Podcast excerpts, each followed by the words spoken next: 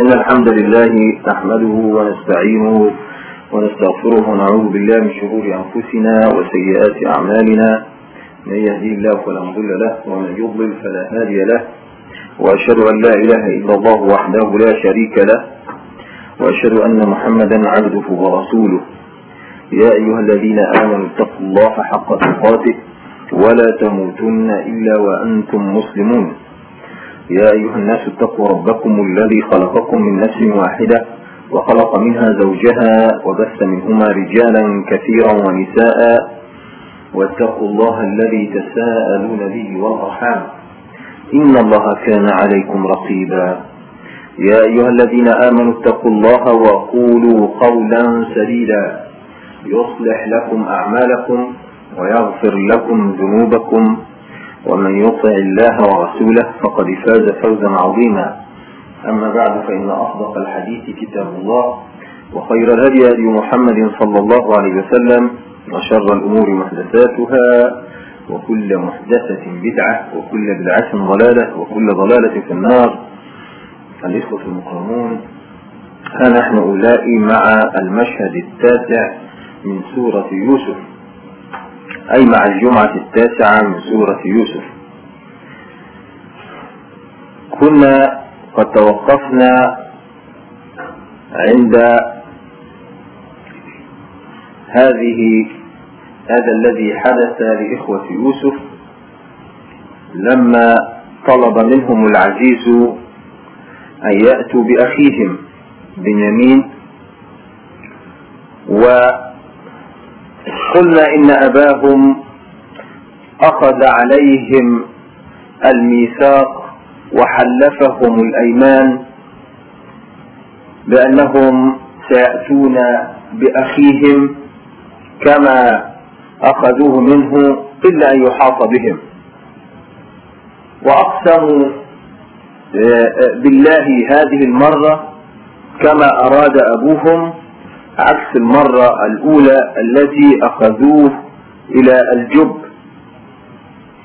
وهنا قال لهم أبوهم يوصيهم ومعهم بنيامين وهو شقيق يوسف وهو أخوهم لأبيهم. ف وكان صغيرا وقال يا بني لا تدخلوا من باب واحد وادخلوا من أبواب متفرقة. وما أغني عنكم من الله من شيء. إن الحكم إلا لله عليه توكلت وعليه فليتوكل المتوكلون. ولما دخلوا من حيث أمرهم أبوهم ما كان يغني عنهم من الله من شيء إلا حاجة في نفس يعقوب قضاها وإنه لذو علم لما علمناه ولكن أكثر الناس لا يعلمون.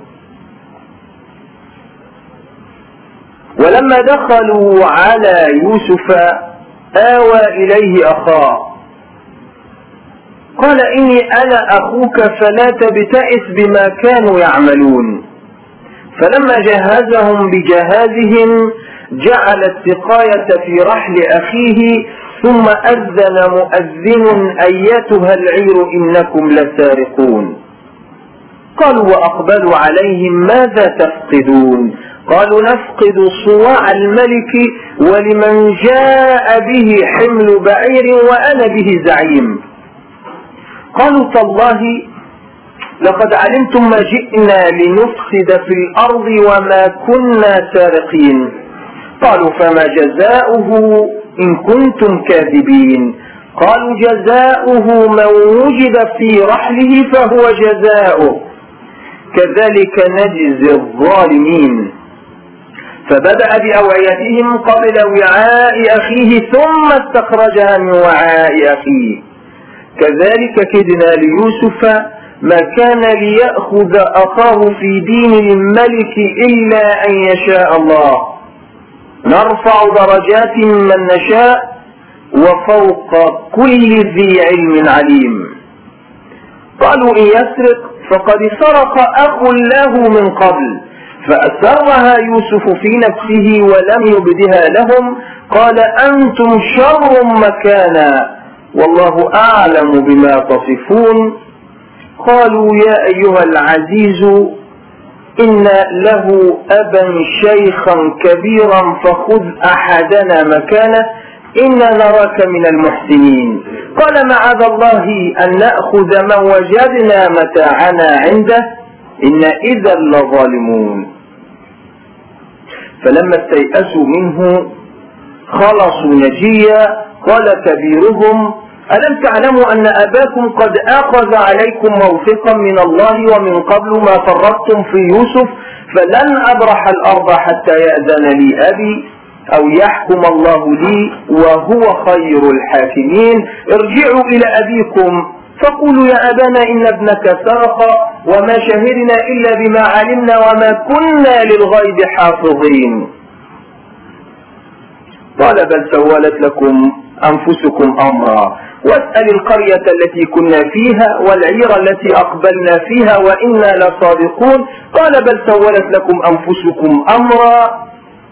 فصبر جميل. عسى الله أن يأتيني بهم جميعا. إنه هو العليم الحكيم. هذا هو المشهد ونحاول أن نقتطف بعض العبر من هذا المشهد بقدر الاستطاعة. فنبي الله يعقوب ابتلي بالحرمان من ابنه يوسف وها هو ذا قلبه يضطرب مرة أخرى إن أبناءه يكيدون كيدا ويحيكون مؤامرة أخرى. يظن ذلك لأنهم قد سبق لهم أن فعلوا ذلك بيوسف. وها هم أولئك يأخذون بنيامين وربما يحدث المكروه. ولكن نبي الله يوصي أبناءه لأنهم كانوا كثر قال يا بني لا تدخلوا من باب واحد وادخلوا من أبواب متفرقة. خشي عليهم كما قال المفسرون ولن نقف طويلا عند هذه التفسيرات والتأويلات. إن المعنى واضح أن نبي الله يعقوب يريد ويوصي أبناءه ألا يدخلوا من باب واحد. قيل خشي, خشي عليهم العين وكلمناكم وحدثناكم عن الدليل على ذلك.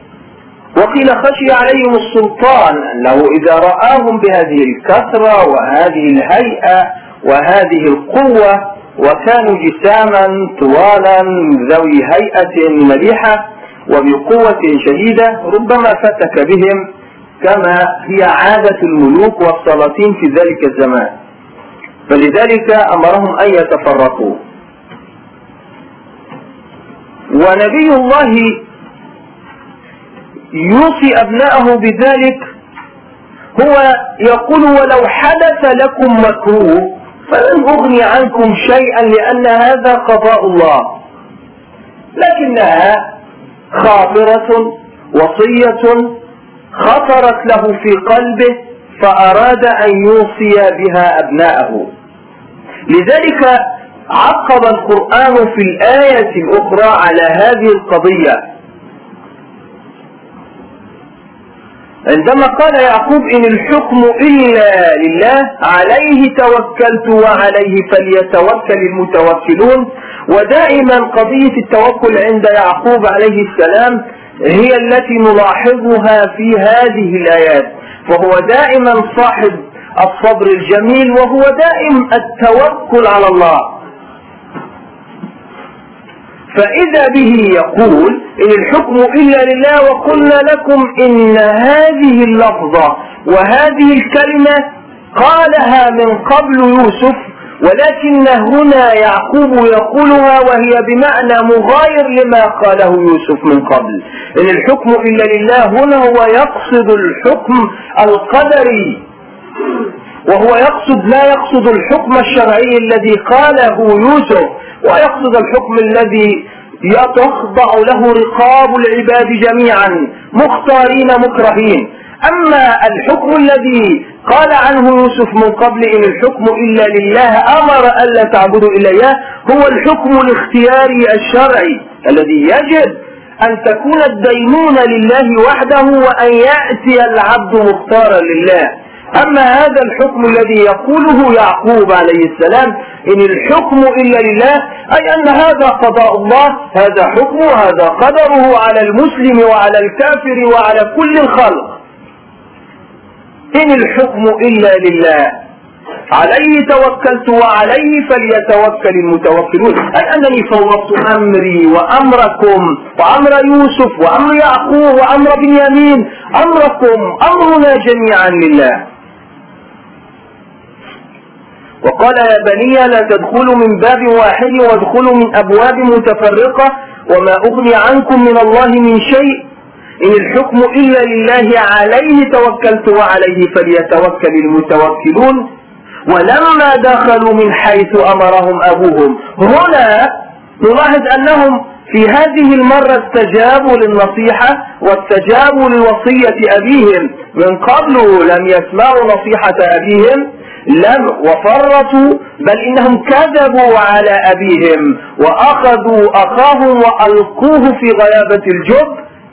أما في هذه المرة فإنهم ولما دخلوا من حيث أمرهم أبوهم فكان يغني عنهم من الله من شيء إلا حاجة في نفس يعقوب قضاها أي أيها المفسرون الذين تذهبون يمينا ويسارا وتطنبون وترسلون التأويلات إلا حاجة في نفس يعقوب قضاها. خاطرة عرضت وقرأت ليعقوب وصية يوصي بها أبنائه فلماذا تخرجون هذا الكلام القرآني وهذا النظم الجميل عن سياقه بحيث أنك تنسى وعندما تقرأ في كتب التفسير تدخل في متاهات تبعدك عن النظم والسياق المتسلسل القرآني الجميل هذا؟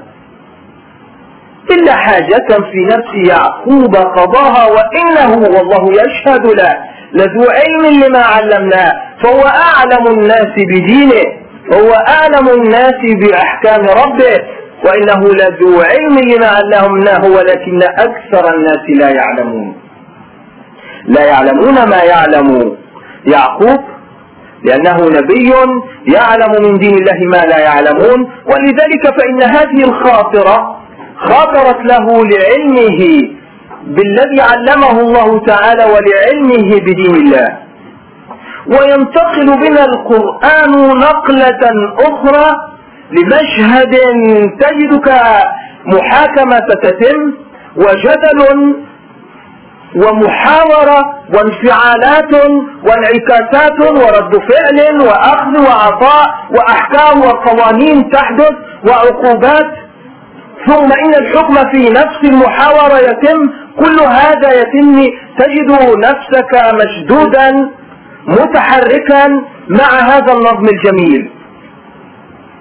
ألم نقل لكم إن الله تعالى قال إنه أحسن القصص فإنه أحسن القصص حتى في سياقه ومجادلاته ومحاوراته وحتى في هذه العقوبات التي يتكلم عنها القرآن في الزمن الغابر. فلما دخلوا على يوسف آوى إليه أخاه.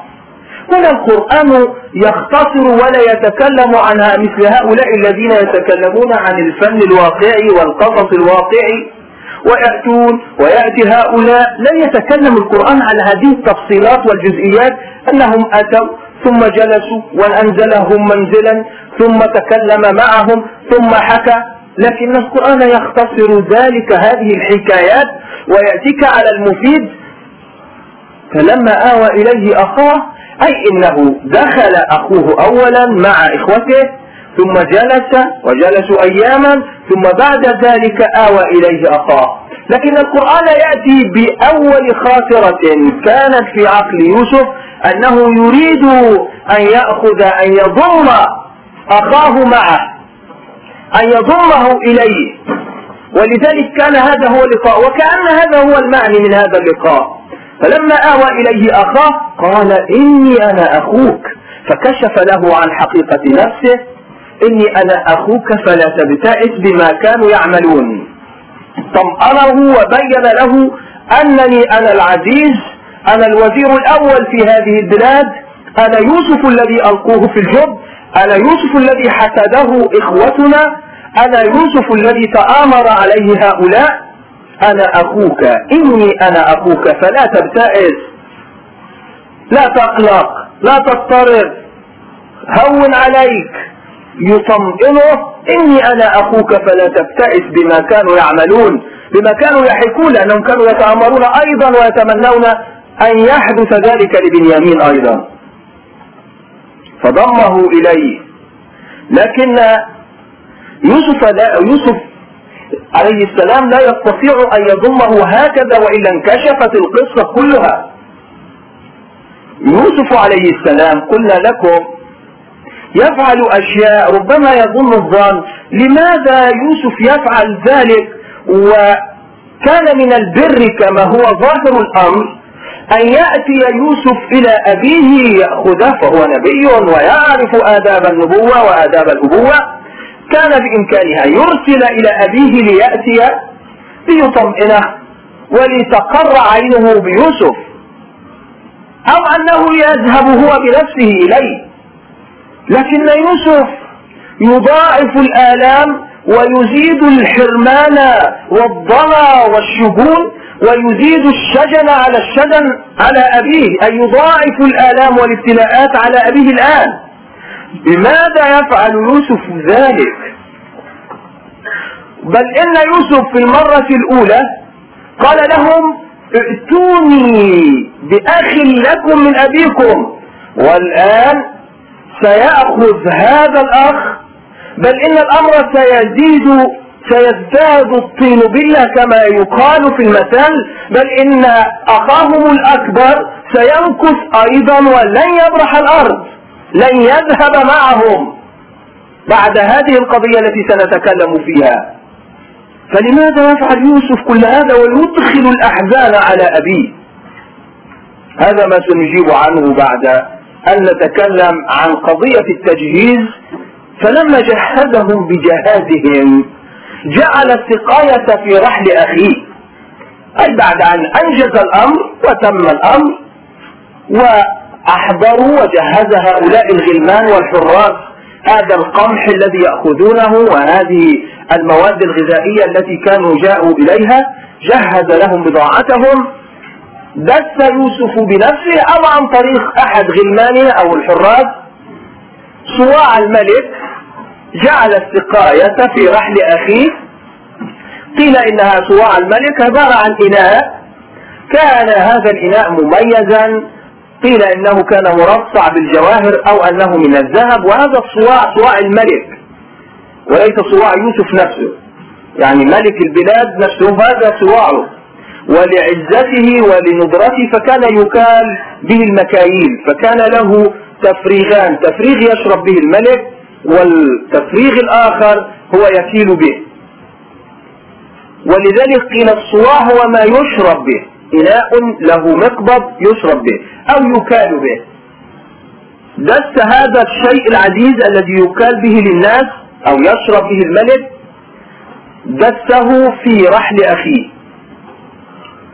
لكي يكون الأمر طبيعيا عندما يضم أخاه إليه. فلما جهزهم بجهازهم جعل السقاية في رحل أخيه ثم أذن مؤذن أيتها العير إنكم لسارقون. صدر فرمان في البلاد أذن مؤذن مؤذن انظر أذن مؤذن. أي أن الأمر متكرر. نداء علني فضيحة علنية كبرى.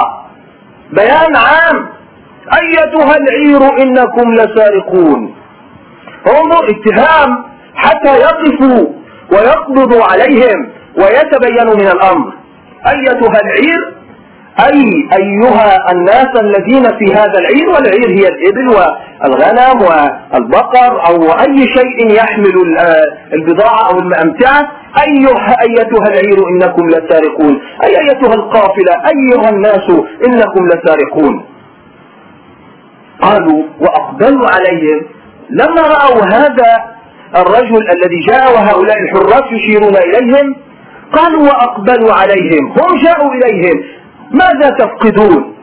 قالوا نفقد صواع الملك ولمن جاء به حمل بعير وأنا به زعيم. نفقد صواع الملك أي إنكم سارقون قد سرقتم صواع الملك أي أن صواع الملك نشك أنه في رحلكم.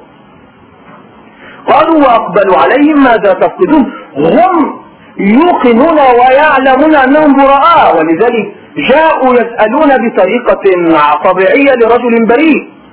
قالوا وأقبلوا عليهم ماذا تفقدون؟ قالوا نفقد صواع الملك. ولمن جاء به حمل بعير وأنا به زعيم. أي حمل بعير تخيل في زمن المجاعة وفي سنوات الشداد هذه حمل بعير هذا شيء كبير مكافأة عالية. وأنا به زعيم أي أنا أتكفل بذلك. إذا أحضرتم الصواع إذا أحضرتم صواع الملك. هو يعلم هذا الزعيم المكلف من قبل نبي الله يوسف يعلم أنهم لن هم يعلمون أنهم لا لا دخل لهم بهذه القضية ولا يوجد معهم هذا الصواع. ولذلك قالوا تالله لقد علمتم ما جئنا لنفسد في الأرض وما كنا سارقين. أي أنكم تعلمون؟ هم يتكلمون عن أنفسهم أنهم أبناء نبي الله يعقوب بن إسحاق بن إبراهيم هم سلالة الأطهار كيف يفسدون في الأرض؟ إذا فالسرقة هنا معناها إفساد في الأرض. وهذه من معاني السرقة أيضا أن هناك خللا اجتماعيا يحدث واضطراب في المجتمع. ولذلك قال الله عنهم على لسانهم تالله لقد علمتم ما جئنا لنفسد في الأرض. رغم أن القضية قضية صواع قضية إناء صغير ولكنهم انظر إلى هذا التفسير. يقولون تالله لقد علمتم ما جئنا لنفسد في الأرض وما كنا سارقين نحن أبناء الأنبياء. فكيف نسرق؟ وكيف نفسد في الأرض وأنتم علمتم؟ لقد جئنا من قبل وردت بضاعتنا إلينا من قبل. فلو كنا سارقين ما جئنا بنفس البضاعة ورددناها إليكم مرة أخرى. يقولون نحن لسنا سارقين ولسنا مفسدين في الأرض. لما سلموا بهذه المقدمة. قال لهم الذي يحاورهم وقيل كان يوسف يقف من وراء ستار أو أنه هو الذي يباشر بنفسه. قالوا فما جزاؤه إن كنتم كاذبين؟ أي فما جزاء من وجدنا في رحله. أي إذا ما جزاء إذا وجدنا هذا الصواع عندكم. إن كان كلامكم كذبا. قالوا هم الذين فرضوا العقوبة على أنفسهم انظر بتدبير الله. هم الذين فرضوا هذه العقوبة ونصوا عليها بأنفسهم. قالوا فما جزاؤه إن كنتم كاذبين؟ قالوا جزاؤه من وجد في رحله فهو جزاؤه. انظر جزاؤه من وجد في رحله أن يسترق ويستعبد فهذا هو جزاؤه عندنا. كذلك نجزي الظالمين. سمى السارق ظالما. انظر اعتداء على حق الغير سماه ظلما. كذلك أي في شريعة يعقوب نجزي الظالمين. وكانت القوانين القديمة كانت إما تسترق. السارق كان السارق لو أن رجلا سرق من رجل كان يأخذه يسترقه وكان يستعبده يتخذه عبدا له. وكانت هذه قوانين. وقيل كانت قوانين في أيام حمورابي وهؤلاء. وهذه كانت في شرائع الأمم السابقة. وكانت في شريعة نبي الله يعقوب هكذا أن السارق يسترق. لكن كان في شريعة المصريين في أيام عزيز في أيام هذا الملك في أيام نبي الله يوسف كانت شريعة ملك, شريعة ملك مصر. أنهم كانوا يعاقبون السارق بالضرب وبأخذ المال مضاعف أي أنه لو سرق الفا يدفع ألفين ويضاعف عليه ويضرب ويهان. هكذا كانت شريعة المصريين في ذلك الزمان وقلنا لكم إن الأسرة الحاكمة في هذا الزمان كانوا الهكسوس. قالوا فما جزاؤه إن كنتم كاذبين؟ قالوا جزاؤه من وجد في رحله فهو جزاؤه كذلك نجزي الظالمين. كذلك هو قانوننا. لكن نبي الله يوسف عليه السلام ماذا سيفعل حتى لا يشك هؤلاء في طريقة التفتيش؟ هذا ما نقوله في الخطبة الثانية. أقول قولي هذا وأستغفر الله لي ولكم.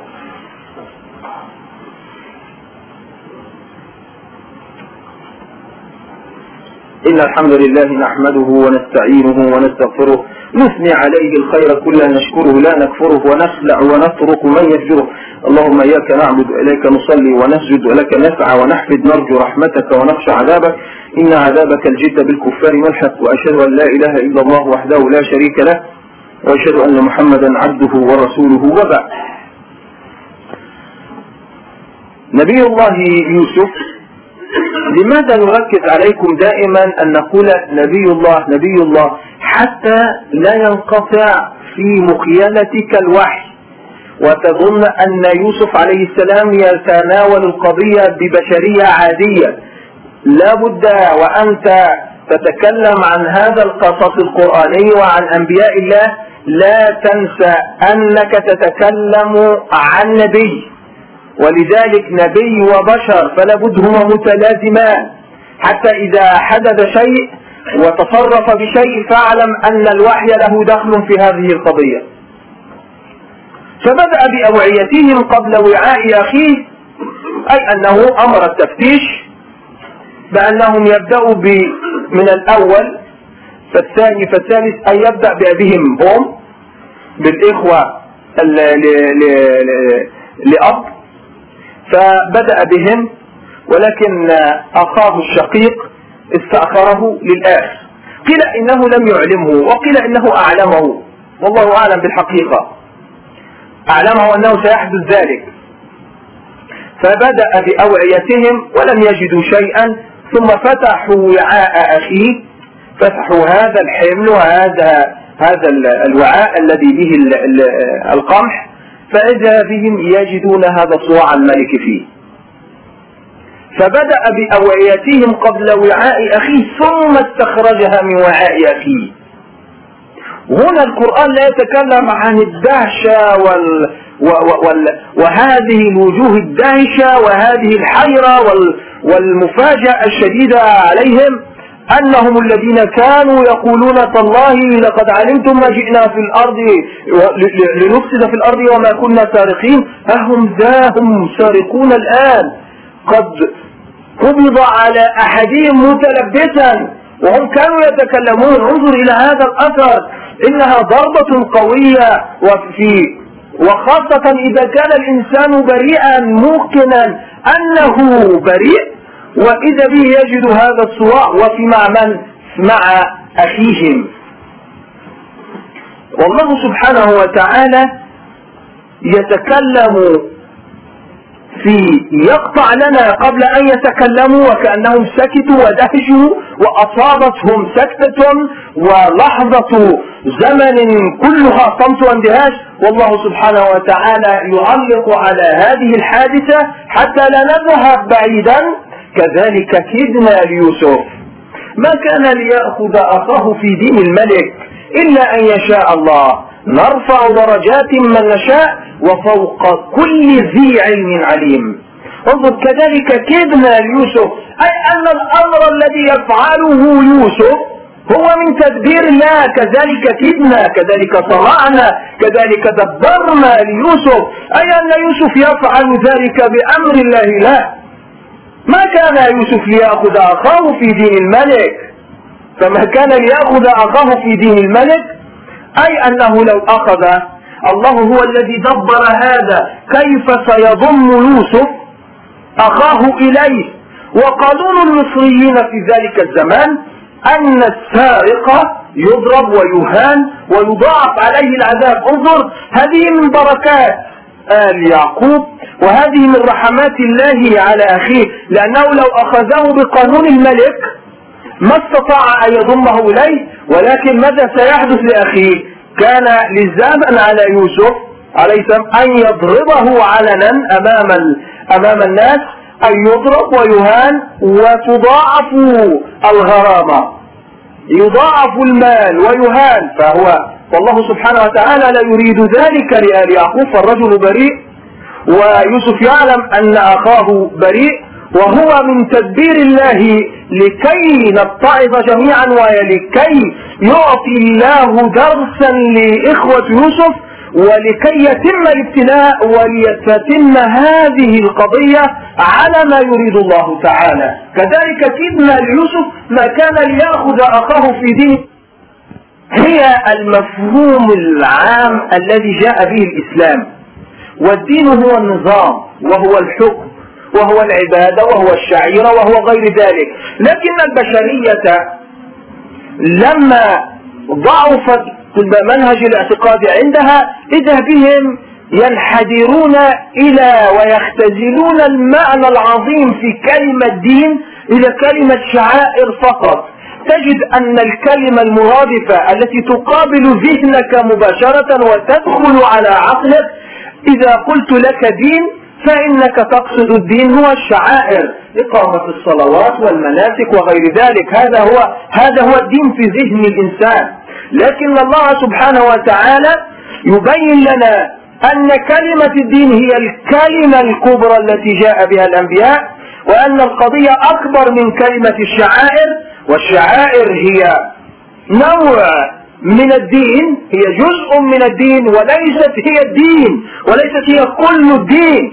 فالدين هو النظام وهو الحكم وهو الدينونة هو الطاعة وهو الانصياع وهو التسليم الكامل لله رب العالمين. ما كان ليأخذ أخاه في دين الملك في نظامه في قانونه. وهكذا من يدخل من يريد الناس في هذه الأيام الذين يفسرون الدين على أنه الشعائر وعلى أنه الصلوات أو العبادات. هؤلاء رضوا بأن يختزلوا هذا الدين العظيم في جزئية وفي زاوية صغيرة ورضوا أن يعيشوا في دين الملك. فالناس في أيامنا هذه ربما اختاروا شيئا عجيبا. اختاروا أن يكونوا في دين الملك ويريدون أيضا أن يعيشوا في الدين الذي هو الشعائر. ولا يستقيم هذا أبدا في دين الله. لأنه لا بد للعبد أن يدين دينونة كبرى دينونة كلية. دين أن تدخل في طاعة الله كاملة في نظامه في قانونه في كل ما يريد في منظومة الإسلام كاملة. لا تفرق بين شعيرة وبين قانون. فالشعائر هذه من الدين والقانون هو من الدين وكل هذا يشكل الدين كاملا. أي أن لو أن رجلا قال أدين بدين الله ولا آخذ الشعائر ولا أصلي ولا أصوم ولا أفعل ولكنني أدين بقانون الله. فكيف يستقيم هذا للعقل أصلا؟ إذا لابد من كل هذا مجتمعا. أما الآن فالناس تنزل لدين الملك لدين الرئيس لدين الأمير لدين الوزير تنزل على حكم هؤلاء وكأنها قسمة رضوا بها. هذا لله وهذا لقيصر كما يقولون أو هذا لله. هذا نريد به أن نرضي أنفسنا نصلي نتعبد نذهب إلى المسجد. أما الطاعة وأما الانصياع للقوانين فهو مع دين الملك. فإننا نسير مع الملوك ومع نظام الملوك. ما كان ليوسف أن يأخذ أخاه في دين الملك إلا أن يشاء الله وهو بإرادة الله هو الذي أراد ذلك وجعل إخوة يوسف ينطقون ويتكلمون ويقولون نريد أن نأخذه بشريعتنا أي بالعقوبة المغلظة عندهم وهو أن يسترق ولذلك قبل يوسف منهم ذلك لأنه بتدبير الله هو من صنع الله لهم. ما كان ليأخذ أخاه في دين الملك إلا أن يشاء الله نرفع درجات من نشاء وفوق كل ذي علم عليم. هنا يقف السياق عند هذا المشهد وسنستكمله إن شاء الله في الجمعة القادمة عن المجادلة والمحاورة والإهانة التي وجهوها مرة أخرى. مرة ومرة يخطئون في حق أخيهم ويخطئون و... ويسيئون الأدب مع أخيهم وهم لا يعلمون أنه يوسف ورغم ذلك يتهمونه زورا وبهتانا. وقالوا قالوا إن يسرق فقد سرق أخ له من قبل يهينون ذلك يوسف ويوبخون ويسيئون الأدب يريدون أن يبرئوا أنفسهم فيتهمون هؤلاء الإخوة لأم لأمة لأم أخرى فيسيئون الأدب مرة أخرى ولكن نبي الله يصبر عليهم وهذا من شأن هذا النبي الكريم الذي صقلته التجارب وتقلب في المحن وتقلب في البلاءات يخرج من هذا من بلاء حتى وهو العزيز الممكن في أرض مصر وهو الذي بيده مقادير البلاد والعباد ورغم ذلك يصبر عليهم وكان في إمكانه أن يبطش بهم ويعلمهم الأدب أو يسجنهم على الأقل أو يفعل بهم شيئا لأنهم أساءوا وحاكوا من قبل رموه وألقوه وتآمروا على قتله والآن يسيئون إليه ويتهمونه أيضا وأخيه بالسرقة.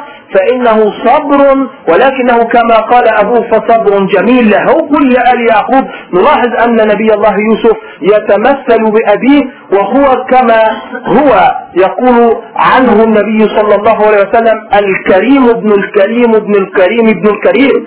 فهؤلاء الكرماء هذه أخلاقهم. أما ما قلناه لكم حتى قبل أن ننتهي من هذا المشهد نجيب على ما قلناه وتساءلنا فيه. لماذا يوسف يفعل ذلك بأبيه؟ ذهب المفسرون إلى تأويلات كثيرة. لماذا يوسف يفعل ذلك به؟ ولكن أرجح ما قيل في هذه المسألة. لماذا يأخذ أخاه؟ ولماذا يقول لهم ائتوني بأخ لكم من أبيكم وهو يعلم أن أباه مكلوم متألم كظيم يبكي على يوسف من زمن طويل بعد عشرين سنة وفي الرواية الأخرى بعد أربعين سنة من الحرمان يطلب أيضا أن يأخذ الأخ الآخر له ويزداد البلاء بأبيه كان في إمكانه يدخل السرور والحبور على أبيه. لكن ما قيل هو أن الله سبحانه وتعالى أراد أن يزيد من منزلة يعقوب فزاد له في الابتلاء. وزاد له في هذا الاختبار حتى يضاعف له الثواب أيضا لأن النبي صلى الله عليه وسلم قال أشد, الأم أشد الناس بلاء الأنبياء ثم الصالحون ثم الأمثل فالأمثل يبتلى الرجل على قدر دينه. فنبي الله يا يوسف بوحي من الله هو الذي أمر بتدبير من الله هو الذي يقول لهم هاتوا. يعني اذا يدخل الحرمان ويدخل الضمر على أبيه ويدخل الحزن والغم على أبيه ورغم ذلك لماذا لا يدخل السرور؟ لأن الله سبحانه وتعالى يريد أن يزيد الابتلاء ليعقوب لكي ترتفع منزلته ولكي يختبر صبره ولكي يكون السرور كاملا. وانظر إلى هذا السرور بعد كثرة الابتلاءات يأتي السرور فلا تتخيل الفرحة العامرة التي تعبق الإنسان وتملأ الدنيا عندما يأتي الضغط تلو الضغط والابتلاء تلو الابتلاء. فإذا بفرج الله يأتي فيكون سرورا متكاملا متضاعفا يضاعف كمية الابتلاء. هذا ما قاله المفسرون في هذه القضية وإن شاء الله للحديث تبعه إن شاء الله وسنستكمل معكم المشهد العاشر من قصة يوسف في الجمعة القادمة وإنا نرفع وكف الضراعة لعل الله سبحانه وتعالى أن يكشف عنا ما نزل بهذه الأمة من غم وهم وحزن. اللهم إنا عبيدك وأبناء أولئك نواصينا بيدك ماض فينا حكمك عدل فينا قضاؤك نسألك بكل اسم هو لك أنزلته في كتابك أو علمته أحد من خلقك أو استأثرت به في علم الغيب عندك. أن تجعل القرآن العظيم ربيع قلوبنا. وجلاء همنا وذهاب غمنا وحزننا. اللهم إنا نتوسل بأسمائك الحسنى وصفاتك العلى أن تفرج عنا ما نحن فيه. اللهم فك أسرى إخواننا المأسورين في كل مكان. اللهم ردهم إلى ديارهم سالمين آمنين يا رب العالمين. اللهم فك أسر المسجونين. اللهم اجعل سجونهم بردا وسلاما يا أرحم الراحمين. اللهم لا تشمت بنا ولا بهم الأعداء. اللهم فرج كربنا وكربهم يا رب العالمين. اللهم فك أسرهم وأحسن خلاصهم وردهم إلى أهليهم ردا جميلا يا رب العالمين. اللهم إنا ضعفاء فقونا فقراء فأغننا أذلاء فأعزنا. اللهم إنا نستغيث بك فأغثنا نستجير بك فأجرنا نستعين بك فأعنا اللهم إنا نستعين بك فأعنا. اللهم أعنا على شكرك وكرمك يا رب العالمين. اللهم خذ بنواصينا إلى طاعتك. اللهم يا مقلب القلوب والأبصار ثبت قلوبنا على دينك يا رب العالمين. اللهم إنا نستعين بك فأعنا. اللهم من أرادنا والإسلام بسوء فاجعل كيده في نحره. اللهم عليك بالظالمين ومن والاهم. اللهم أهلك الظالمين بالظالمين ونجنا من بين أيديهم سالمين غانمين يا رب العالمين. اللهم أحصهم عددا وأهلكهم بلدا ولا تبقي ولا تغادر منهم أحدا يا رب العالمين. اللهم فك أسرى إخواننا المأسورين. اللهم إنا نلح عليك بالدعاء فإنا أمة مظلومة. اللهم إنا مغلوبون فانتصر. اللهم إنا مظلومون فانتصر. اللهم إنا مغلوبون فانتصر. اللهم تقبل صلاتنا وقيامنا وصالح أعمالنا يا رب العالمين. اللهم آمين وأقم الصلاة.